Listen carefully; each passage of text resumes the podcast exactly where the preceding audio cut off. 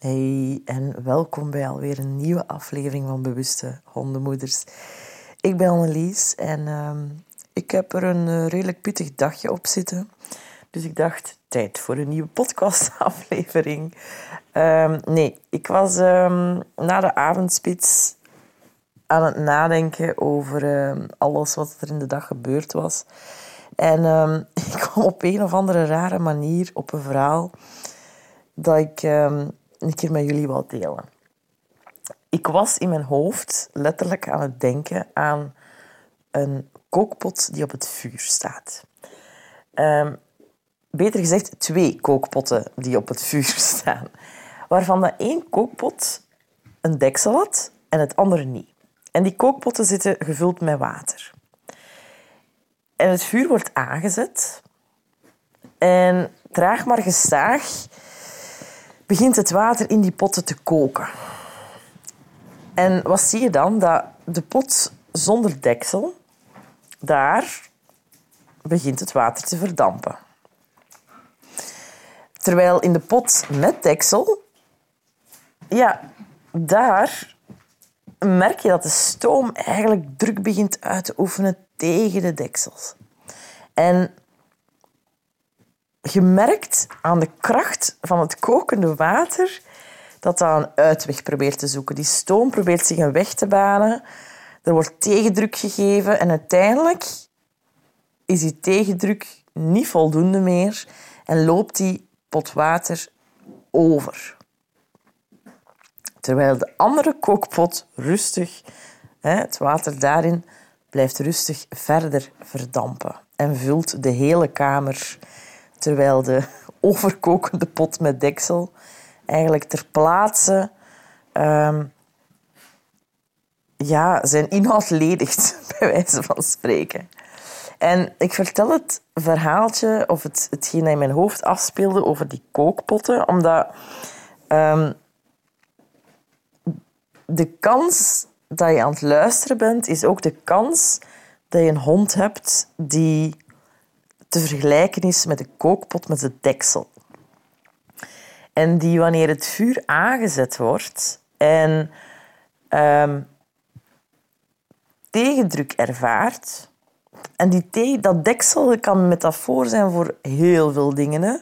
Dat kan tegendruk zijn van buitenaf, maar dat kan ook interne tegendruk zijn. Aangeleerde tegendruk, um, genetische, persoonlijke dingen die tegendruk geven. Um, dat zijn de honden die eigenlijk stoom opbouwen en die dan, omdat het geen uitweg meer vindt, heel intens gaan overlopen. Terwijl de honden die, die ik mag vergelijken met de kookpot zonder deksel, die zie ik niet zo vaak in mijn praktijk. Die hebben de mogelijkheid om, wanneer het vuur aangezet wordt, en de temperatuur stijgt, om geleidelijk aan stoom af te laten. En hoewel dat zij niet minder of meer stoom aanmaken dan in de pot met deksel, hebben zij eigenlijk heel de tijd ruimte om daar um, om die, stroom, om die stoom vrij te laten. En het plaatst voor mij weer opnieuw hoe onze reactie daar ook tegenover um, staat. En als ik dan even in de rol terug van ouder stap, uh, in plaats van als coach, dan zie ik dat ook gebeuren bij de honden in mijn leven, bij de kinderen in mijn leven, waarbij er honden zijn die zijn zoals de kookpot met de deksel, maar ook zonder. En zij hebben alle twee een heel andere manier van om te gaan met spanning die opbouwt en spanning die vrijkomt. En ik merk zelf dat mijn reactie op um, de honden vergelijkbaar met de pot met deksel veel intenser is. Want dat creëert ook een vorm van paniekreactie als er een pot overkookt. Je moet maar een keer denken als je iets aan het maken bent en in één keer um, pruttelt alles over en je deksel begint te flapperen. Um, uw reactie is veel intenser dan wanneer dat uw water... Ja, dat je ziet van, oei, ik heb het hier te lang laten opstaan en er is zoveel water verdampt, ik moet daar niet water bij doen. Dan heb je een heel andere um, fysieke reactie ook op die situatie. Um, en ik zie ook bij mijn honden, bij mijn kinderen, ik zie die verschillen in hoe zij met spanning omgaan.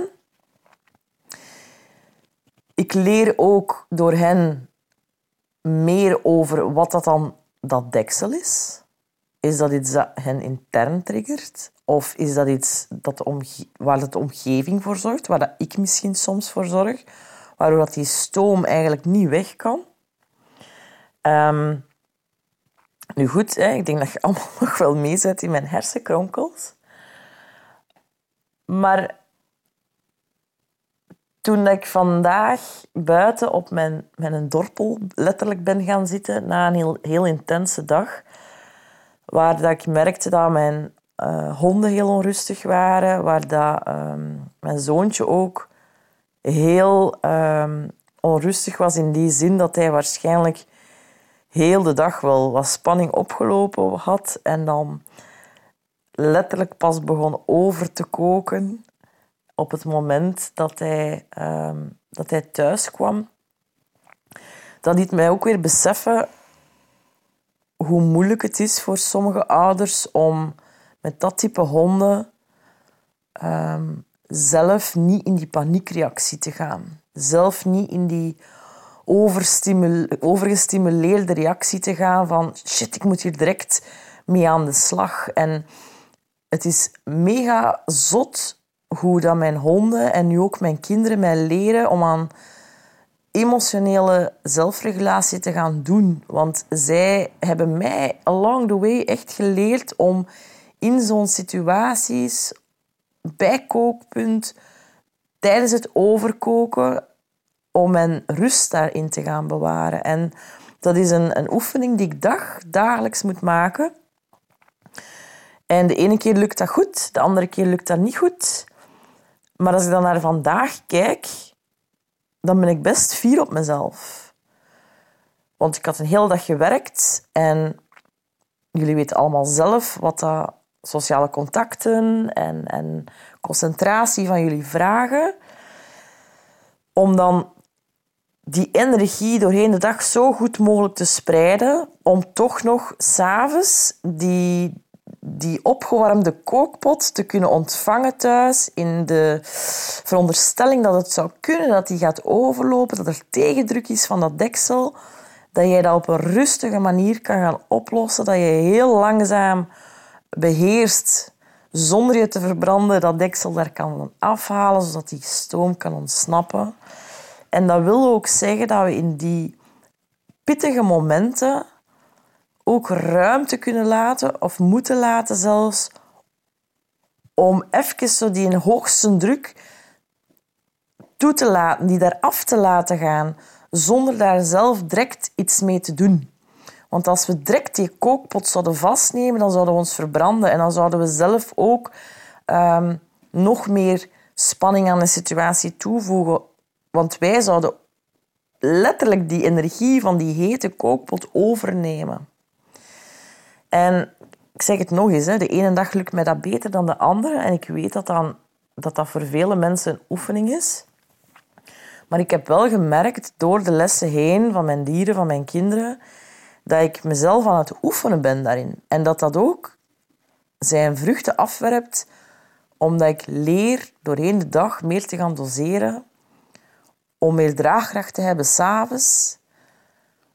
Want we denken altijd vanuit, oké, ja, s morgens vertrekken we, we, we trekken letterlijk de deur achter ons dicht, onze honden blijven thuis of in de bench, onze kinderen gaan naar school of naar de crash. En we gaan elk onze eigen weg, we bouwen elk onze eigen spanningen op, maar als we thuiskomen, dan verwachten we voor onszelf rust. Terwijl dat die spanningen natuurlijk bij hen, hè, honden die een hele dag alleen hebben gezeten, dat kan zijn dat ze bepaalde spanningen ervaren hebben omdat ze zo lang alleen gezeten hebben, letterlijk, doordat er geen sociaal contact was. Ehm, ze kunnen zich verveeld hebben. Um, ze zijn alleen met hunzelf. Anders kan ook dat ze eigenlijk heel de dag gewerkt hebben, dat ze heel de dag waakzaam zijn geweest, heel veel geluiden gehoord, heel veel moeten blaffen. Ehm, een heel intense dag gehad hebben qua, qua informatie, qua invloeden. Maar dan verwachten we ook van hen, wanneer dat we thuiskomen, dat zij kunnen schakelen. En het is niet omdat je als volwassene... Natuurlijk, natuurlijk wil je die rust. Natuurlijk wil je kunnen zakken. Maar als je dan persoonlijkheden in huis rondlopen hebt, of dat dan nu op vier poten is of op twee, die zoals de kookpot zijn met de deksel, ja, dan kan je niet verwachten dat die instant gaan afkoelen. Die stoom moet daaruit. En soms wil dat ook zeggen dat ik bepaalde emoties laat gebeuren, zoals het blaffen van mijn honden, Ehm, en ik zeg emoties, terwijl ik het eigenlijk een gedrag benoem, maar de basis eronder is een emotie. Ehm, of dat ik het huilen van mijn kinderen tot stand laat komen. Dat ik er ben, dat ik erbij ben, dat ik die gevoelens van hem probeer te benoemen. Maar dat ik niet direct in dat troostende gedrag ga. Dus dat ik, dat ik er probeer te zijn en dat ik zoveel mogelijk die, dat overkookmoment probeer los te koppelen van mij. Want het is een manier voor dat type kookpot om vrij te komen van wat er opgebouwd geweest is en dat te veel moet weg. En heel concreet wil dat dan zeggen dat ik Ehm, los van even het laten uithuilen van mijn kinderen, zonder daar een oordeel over te vellen, zonder te vragen of dat ze daarmee zouden willen stoppen, zonder ehm, dat ik hen, ja, vroeger zou ik dan een tutje in zijn mond gestoken hebben om zichzelf te sussen, waar ik nu gewoon ruimte gelaten heb voor, voor is er ergens nog dialoog? Is er iets dat hij wil zeggen? Kan ik het benoemen voor hem? Kan hij het zelf benoemen wat er aan de hand is? Ehm, en kunnen we eens dat het eruit is, letterlijk, kan ik hem dan terug meenemen naar hoe bouwen we weer spanning af? Ene keer als het dekseltje er rustig afgehaald is, bedeesd met een handdoek, zodat we ons niet verbranden kan ik hem dan helpen om zachtjes terug af te koelen. Ik steek, hem, ik steek mijn hete kookpot niet in een bad koud water. Ik zet die gewoon van het vuur en ik laat diezelfde tijd nemen om daarin af te koelen, maar ik help wel door hem van het vuur te halen. En zo zie ik het ook echt. Zo zie ik het ook echt met honden. Alleen is het niet evident als die honden u triggeren op een moment waar jij zelf naar beneden wilt komen in energie. Waar dat jij zelf eigenlijk heel de dag bent opgebouwd in spanning en dat jij zelf wilt zakken. Dan is het niet evident om nog eens die ehm, empathie op te brengen voor de andere, in dit geval voor uw hond, om hem daarin te begeleiden om te kunnen afbouwen. Dus misschien de volgende keer, als je zo ergens op een moment staat waar dat je bijvoorbeeld thuis komt na een lange dag, of zelfs al doorheen een dag, dat je daar even bij stilstaat van ja, kijk, mijn hond gaat ook bepaalde ervaringen opdoen doorheen de dag, bepaalde spanningen ervaring, uh, ervaren. Heb ik een hond die doorgaans uh, met spanning omgaat met een, een deksel op zijn kop, of heb ik doorgaans een hond die redelijk geleidelijk aan zijn heet water kan laten verdampen? Um, en als ik dan een hond heb die doorgaans zo dat deksel op zijn pot heeft staan, heb ik dan nog genoeg ruimte en empathie over aan het einde van de dag? Of kan ik dat maken? Kan ik dat vrijhouden? Om daar dan op die manier naar te kijken en mee om te gaan. En nu heb ik honger gekregen. Tot de volgende.